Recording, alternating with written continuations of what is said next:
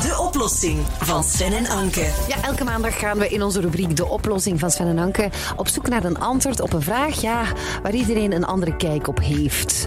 Bij ons is dat altijd het geval. Het gaat over de 5 seconden regel. Mag je iets dat op de grond ligt, per ongeluk net gevallen is, mag je dat rap oprapen en nog in je mondje steken. Ja, jij kijkt al een beetje zo bedenkelijk. Ik vind dat dat allemaal geen probleem. Nee, ik denk, daar word ik groot en sterk van en daarom ben ik bijna nooit ziek, omdat ik dat heel mijn leven al heb gedaan. Ja. Maar we hebben een professional opgebeld die het allemaal weet. Professor Frank de Vliegere, hoogleraar in de microbiologie. Hij houdt zich aan de UGent bezig met eh, onderzoek naar de houdbaarheid van voedsel. Ja, dus dat is de man weten. die we moeten hebben. Goedemorgen, dag professor de Vliegere. Dag professor. Goedemorgen, Anke en. Goedemorgen. De vijf seconden regel. Hè. Dat is gek. Iemand heeft dat toch ooit bedacht? Want het zou ook de vier seconden regel kunnen zijn of de zes en een halve seconde regel. Is dat iets wetenschappelijks of waar komt dat eigenlijk vandaan, denkt u? Goh, Het is eerder eh, een mythe dan een echt eh, wetenschappelijk feit.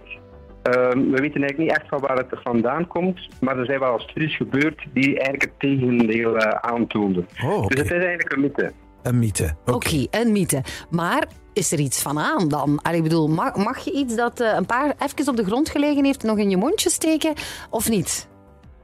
Goed, eh, hoe- hoeveel bacteriën eigenlijk van de vloer naar het levensmiddel overgaan, hangt van een heleboel zaken af.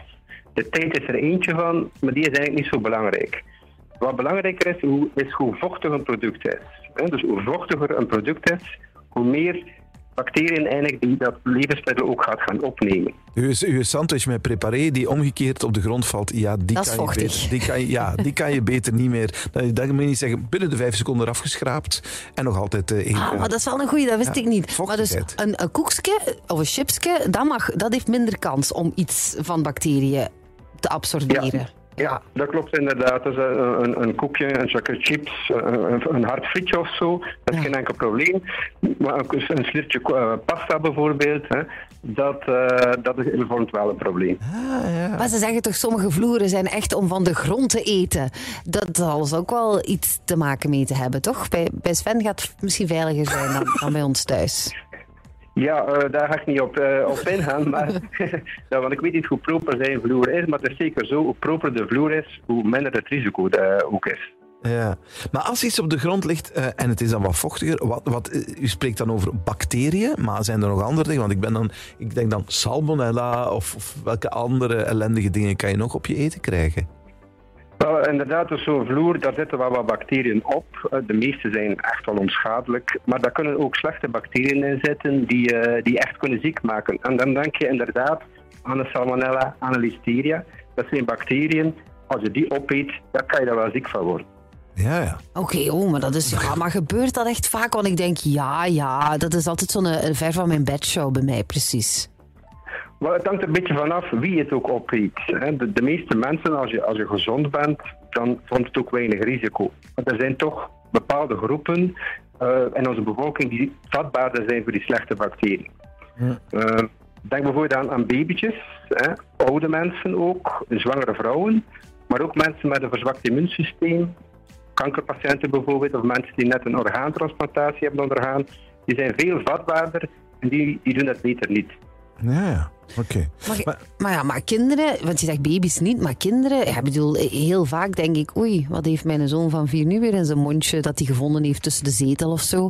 En ze zeggen toch altijd van, ja, maar, ja, maar dat, is over, dat is overal, Sven, dat is overal. Weet het niet. Dat is overal. Maar het ding is, ik- dat, is dat, dat boost je immuniteit toch, hè, als je dan wel gezond bent? Of is dat ook maar een mythe? Maar op zich is dat misschien wel zo als je gezond bent. Hè? Ja. Eh, maar hele jonge kindjes die hebben toch nog een, een wat zwakker immuunsysteem. Eh, en daar is het toch niet zo oké dat ze dat doen. Eh, de wat grotere kinderen is het geen enkel probleem. Ja, Van, ja. vanaf welke leeftijd is groot het kind?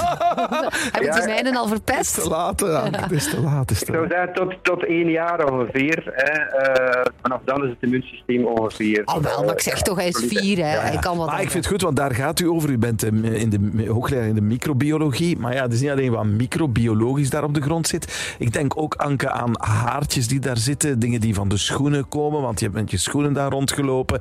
Ik veel, huidschilfers. Iemand die toch maar eens in zijn neus heeft gepeuterd en dat ligt daar Maar- op de grond. Ja, maar, maar dat kunnen we verdragen dan, of wat, ja, dokter? dat is toch ook allemaal, Professor. allemaal vies. Hè? Wel, de- en al die dingen die je daarop eh somt, eh, Sven, dat zit, dat zit eigenlijk vol met bacteriën. Ja, ja, dat dacht ik al. ja. Dus, eh, en ons haar zit vol met bacteriën, eh, en de neus zeker en vast.